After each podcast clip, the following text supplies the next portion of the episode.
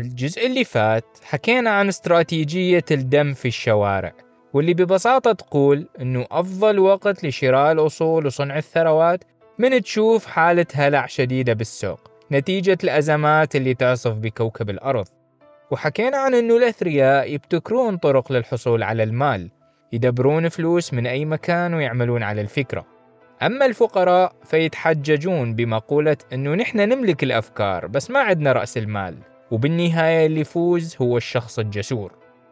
وحكينا عن المثالية أو البيرفكشنزم واللي تخليك تأجل القيام بمشروعك خوفا من ارتكاب الأخطاء وبالتالي خسارة واستهزاء الناس. وعليه تبدي تخطط أكثر من اللازم.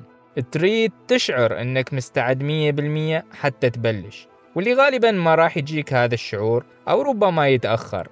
هاي الدوامة راح تقودك بالنهاية للمماطلة أكثر بالمشروع. وممكن ما تبدي أصلا أو تخليك تفشل بطريقة جيدة. خطط بمعقولية وبلش وتعلم من أخطائك خلال الرحلة لأن غالبا ما راح تشعر أنك مستعد أبدا. بالجزء الأخير واللي إن شاء الله يكون خاتمة مسك يليق بالكتاب صاحب التقييم الأعلى ضمن فئة المال. راح نحكي عن الدرس الخامس للثراء واللي يقول When you are young work to learn not to earn. طول ما أنت شباب اعمل حتى تتعلم وليس لكسب المال. السلام عليكم. مونكاست هو بودكاست أسبوعي. نحكي بينه عن أفكار واردة بأشهر الكتب العالمية. حسب تجربة الأصدقاء أفضل وقت تسمع مونكاست هو بالسيارة أو قبل النوم أو في صالات الانتظار. هو مناسب للاستماع بالأوقات المهدرة خلال اليوم. بيوم من الأيام روبرت كيوساكي كان عنده مقابلة مع صحفية من سنغافورة. يقول بينما كنا جالسين نرتشف القهوة الصحفية قالت أتمنى أصير بيوم من الأيام مثلك مؤلفة للكتب الأكثر مبيعا. طبعا روبرت شايف قسم من مقالات هاي الصحفية ويقول أنه أسلوبها بالكتابة كان واضح وبليغ ويجذب القارئ حتى أنها تركت انطباع جيد عندي. فروبرت يقول أنت عندك أسلوب جيد ليش ما وصلتي إلى حد الآن؟ فتقول الكل حكى لي هذا الكلام من قبل ولكن يبدو أن أعمالي لن تبلغ بي أي مبلغ لهذا أنا عندي وظيفة كصحفية للاحتياط شنو تقترح علي يا سيد روبرت؟ فيرد روبرت مبتسم ويقول صديقي بسنغافورة عنده مدرسة يعلم بيها فنون البيع حتى أنه يعطي محاضرات لكبرى المؤسسات بالدولة ليش ما تحضرين هاي المحاضرات؟ وهوني عينك ما تشوف إلا النور. المذيعة تجاوب بطريقة مشدودة وتقول يعني أنا لازم أروح أتعلم بيع؟ من كل عقلك عاد تحكي؟ فيقول يعني وين العيب؟ ليش لا يعني؟ روبرت بهاي اللحظات بدأ يراجع نفسه. هل حكى شيء مهين؟ اتمنى أنه ما نصحها أصلا. يقول كانت نيتي المساعدة فصرت في موقف أدافع بينه عن حالي. فتكمل الصحفية وتقول أنا اللي عندي ماجستير أدب إنجليزي أدرس مبيعات؟ أصلا أنا أكره مندوبي المبيعات ناس بس تهمها الفلوس طبعا مقولات الصحفية ذكرتني بكتاب Ego is the Enemy اللي هو أول كتاب نشرحه بالقناة. المهم أحد كتب روبرت كيوساكي الأكثر مبيعا كان موضوع على الطاولة اللي بينهم وكان ورقة ملاحظات كتبتها الصحفية ومكتوب عليها روبرت كيوساكي صاحب الكتب الأكثر مبيعا في العالم. فهو مسك هاي الورقة بإيده وقال لاحظي أنه أنت كتبتي صاحب الكتب الأكثر مبيعا وما كتبتي صاحب الكتب الأحسن كتابة. ويكمل ويقول أنت كاتبة جيدة وإذا تعلمتي مبيعات راح تكونين صاحبة المؤلفات الأكثر مبيعا والأحسن كتابة. وهوني عيون الصحفية بدأت تقدح شرار وقالت ما راح أدنا لدرجة أنه أدرس مبيعات. هاي الشغلات خليناها لأمثالك. وأصلا أنا أملك تدريب احترافي بالكتابة. وبعدها الصحفية أخذت حقيبتها وطلعت من الباب وسدته بقوة. لا هاي صراحة من عندي. أنا هكذا تخيلت الموقف.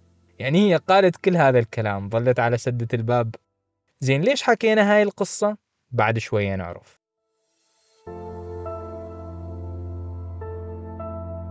هسه نحكي قصة الأكثر تأثيرا بالنسبة إلي بهذا الكتاب.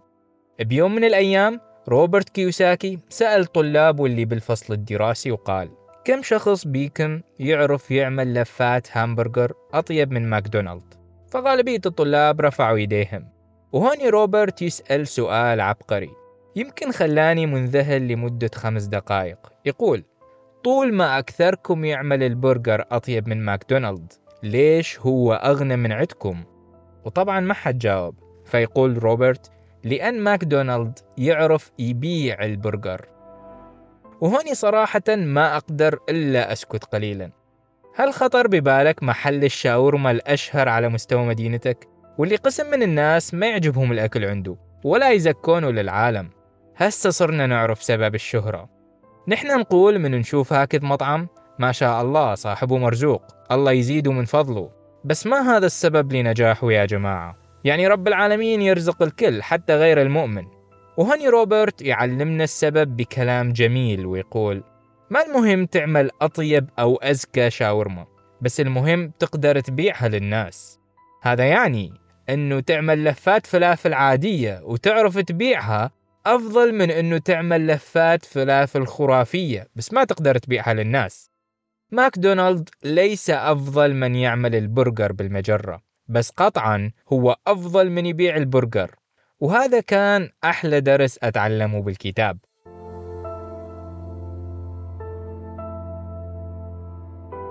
اللي أريد يصلك من هاي القصص هو التالي طول ما عمرك تحت سن الثلاثين فهاي هي الفترة اللي لازم تتعلم بيها أكثر قدر ممكن من المهارات. لا تفكر تكون ثري بهاي الفترة لأن الثراء يحتاج لوقت طويل حتى تصله وما يجي بيوم وليلة. ويكفي ترسل حلم أو دريم لقناة ام بي سي ومتأمل يطلع اسمك بالسحبة. ونسالي فكرة الثراء السريع. نافال رافيكانت يقول أي شخص ينصحك بطرق للثراء السريع فهو يريد يكون ثري بسرعة على حسابك. ومن قرأت هاي المقولة تذكرت شركات التسويق الهرمي. يقول روبرت جرين صاحب كتاب قواعد السطوة من عمرك 21 سنة اطلع واكتشف العالم غامر وتعلم. لا تروح مباشرة للجامعة ولا تفكر براتب عالي بهذا الوقت. انت بعدك شباب تقدر تنام على الأرض مع الأصدقاء وما تحتاج كثير من الفلوس بالوقت الحالي. كل اللي تحتاجه هو المهارات. Now you're 21, go out and explore and have some fun and be adventurous. Don't immediately go into law school. Don't immediately get a job, a well-paid job. You're young, you don't need a lot of money. Young people can live, you know, sleeping on the floor with friends. It's the only time in your life it's ever going to be like that. Within that framework of what interests you, go out and explore and develop skills in different areas and try your hand at this and that and that. والأب الغني يقول كلام حلو طول ما أنت تحت سن الثلاثين جرب الفشل لأن عندك فرصة تتعافى. هاي هي فترة التجارب والمغامرات. إذا خسرت كل فلوسك فعندك متسع من الوقت تقدر ترجعها.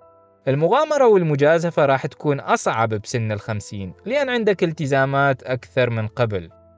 I would say to a young person, you can choose a life of ease and comfort, or you can choose a life of service and adventure. Which one of those, when you're 90 years old, are you going to be more proud of? الأب الغني كان يعلم روبرت ومايك شيء عن كل شيء يعني روبرت كان يتنقل بأقسام الشركة مرة يشتغل بقسم الحسابات ومرة بقسم المبيعات يقول حتى أنه اشتغل بفترة من حياته كعامل بناء وسائق للحافلات ويحكي لنا روبرت قصته خلال فترة شبابه ويقول أنه استقال من العمل في شركة لنقل البترول اسمها ستاندرد أويل بعد ما وصل مرتبة مساعد قبطان ثالث وكان راتبه جيد وقتها. وفضل أنه يلتحق بقوات المشاة البحرية الأمريكية اللي هي المارينز وتعلم قيادة الطائرات.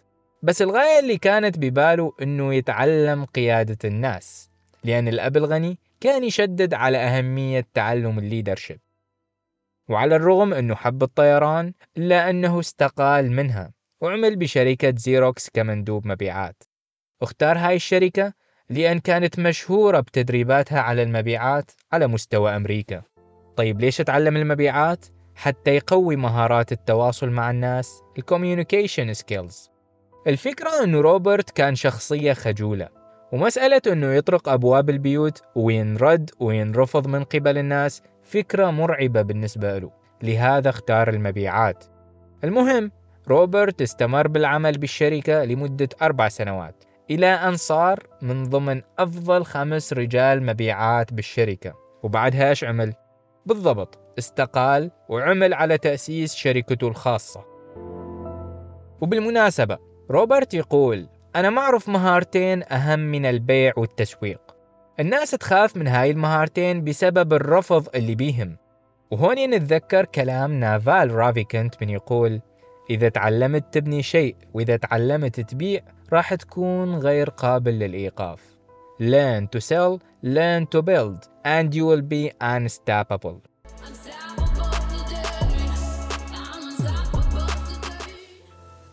ما بالضرورة تعمل بالضبط نفس ما عمل روبرت لأن بكثير بلدان بوطننا العربي يمكن ما عندنا رفاهية الاستقالة والتنقل بين الشركات. قسم أو كثير من شبابنا ما عندهم شغل أصلا. بس مع هذا أنت تقدر تتعلم كثير من المهارات من البيت وبالمجان. حسب ما يقول نافال رافيكنت أنه الأثرياء الجدد أو النيولي ريتش هم اللي يقدرون يكتبون كود اللي هي البرمجة أو ينتجون ميديا. قد يكون الميديا هو بودكاست أو فيديو أو كورسات على الأنترنت. هاي الأشياء المميز بيها أنه تجيب لك passive income وبالمناسبة هاي المهارتين بالذات اللي هي من أهم مهارات القرن الواحد وعشرين تقدر تتعلمهم من فراشك بالبيت على اليوتيوب وببلاش. وهون يا جماعة أريد أحكي عن بعض الشباب. اللي يتمسكون بقوة باختصاصهم الجامعي. يرفضون يشتغلون بغير مجالات ويقولون هذا ما اختصاصنا. أنا درست هندسة أربعة أو خمس سنوات وبعدها أشتغل مصمم وكأنما اعتبرها إهانة أو مسبة. كبرياء وما يسمح له أنه يشتغل مسوق على أساس نزل لمرتبة أقل. أيضا نسمع شباب يعملون بمجالات ثانية غير اختصاصهم الجامعي ودخلهم جدا ممتاز. بس يتذمرون ويشعرون بالأسى لأن شغلهم بعيد عن مجال دراستهم. يا أخي تبا لاختصاصك. لا تكون رهن لهذا الاختصاص اللي ما يجيب لك فلوس أو مرتبه قليل. فقط لأن درست عدة سنوات بالجامعة. أنا أعرف هذا الشعور اللي يحسسك أنه سنوات الدراسة ضاعت ببلاش لأنك تشتغل بغير شيء. بس بكل الأحوال أفضل من أنه تقعد بالبيت بلا خبرة وبلا فلوس. لا تتمسك باختصاصك إذا كان الطلب علينا راح يقل مستقبلا أو يمحين الذكاء الاصطناعي من الوجود بعد سنوات. يا جماعة ما يحتاج كل هذا الولاء والوفاء للاختصاص. كن مرن بتعلم مهارات جديدة بعيدة عن اختصاصك. روبرت يقول أنه الفكرة الشائعة هي أنه حتى يزيد دخلك المادي وتترقى أسرع فلازم تتخصص بمجال الدراسة. يعني أنت طبيب أكملت ست سنوات دراسة. ممكن تكون المراجعة عندك سعرها 10 دولار للمريض. ولكن إذا كنت طبيب متخصص بجراحة القلب ممكن تأخذ 20 دولار للمريض. هاي عدا راتبك الأعلى كموظف حكومي. لهذا نشوف خريجين البكالوريوس يبدون يدرسون الماستر وبعدين الدكتوراه حتى يحصلون على التخصص الدقيق. ولكن روبرت كيوساكي يقول صح إنه هذا التخصص الدقيق راح يزيد راتبك فعلا بسبب مهاراتك الجديدة وندرتها بالسوق. ولكن شوفوا الجمال بنفس الوقت أنت حصرت نفسك على الشغل بمجال واحد فقط. إيه وين المشكلة يا سيد روبرت؟ المشكلة يا جماعة إنه إذا ما قدرت تشتغل باختصاصك الدقيق فراح تضطر تشتغل بمجال ثاني كمبتدئ وبهاي الحالة فعلا عمرك ضاع. يعني انت أخذت دكتوراه بميكانيكا الكم مثلا. وخلي نقول إنه رب العالمين وفقك واشتغلت موظف حكومي بهذا المجال. المعروف بالعراق إنه الموظف الحكومي هو من أأمن الشرائح بالمجتمع.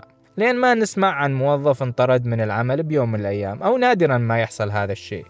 في حال أنك تسرحت من وظيفتك لأي سبب كان قد يكون عجز في الميزانية مثلا والحكومة قررت تسرح قسم من الموظفين.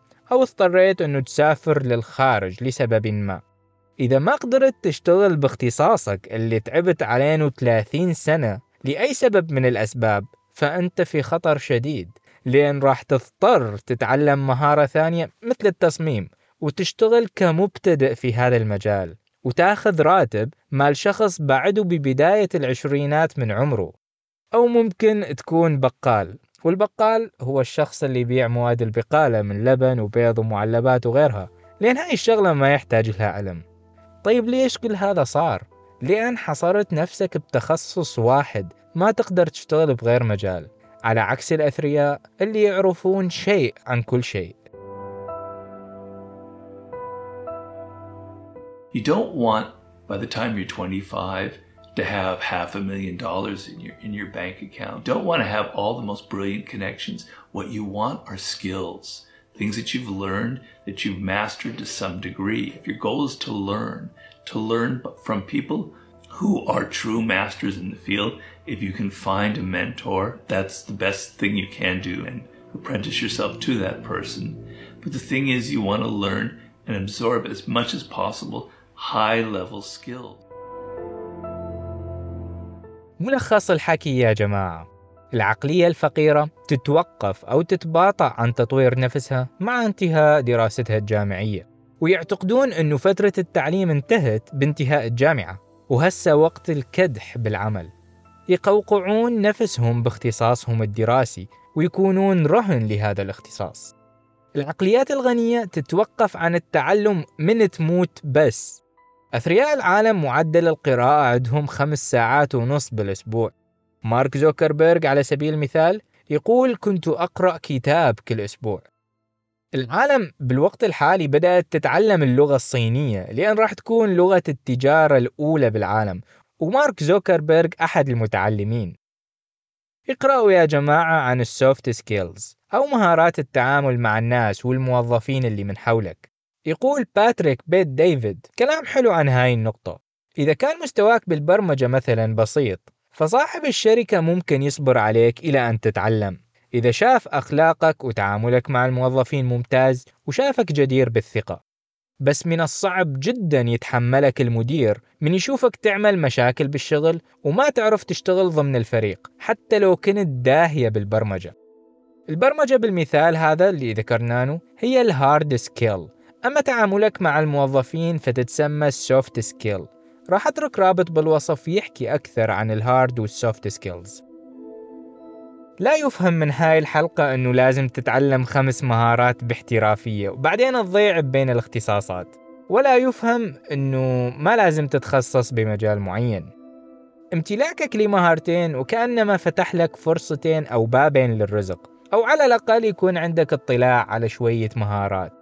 الفكرة إنه التعلم ما ينتهي أبد وطول ما أنت بعدك شباب لا تفكر بكمية الأموال اللي تحصل عليها بالوقت الحالي بقدر تفكيرك بكمية الخبرة والاطلاع والمعرفة اللي تحصل عليهم. أحب بختم هذا الكتاب الأسطوري بكلام حزين للأب الفقير من يقول من تزيد أو تكثر عندي الفلوس راح أعطي قسم منها للفقراء. فيعلق روبرت ويقول المشكلة إنه ما زادت عنده الفلوس أبد كان يتعب ويشقى بجمع المال بس ما تعلم قوانين المال وهون نتذكر كلام روبرت من يقول عندما يتعلق الأمر بالمال فالناس لا تعرف غير مهارة واحدة وهي الكدح في العمل Money is not important. A lot of money is important. وهاي كانت نهاية الكتاب الأسطوري. المفروض أكو قاعدة سادسة للثراء تحكي عن الضرائب وأيضا أكو ملحق ما تطرقت إلهم بهاي السلسلة. بالعموم يفضل أنه تحتفظ بنسخة من هذا الكتاب الرائع في بيتك.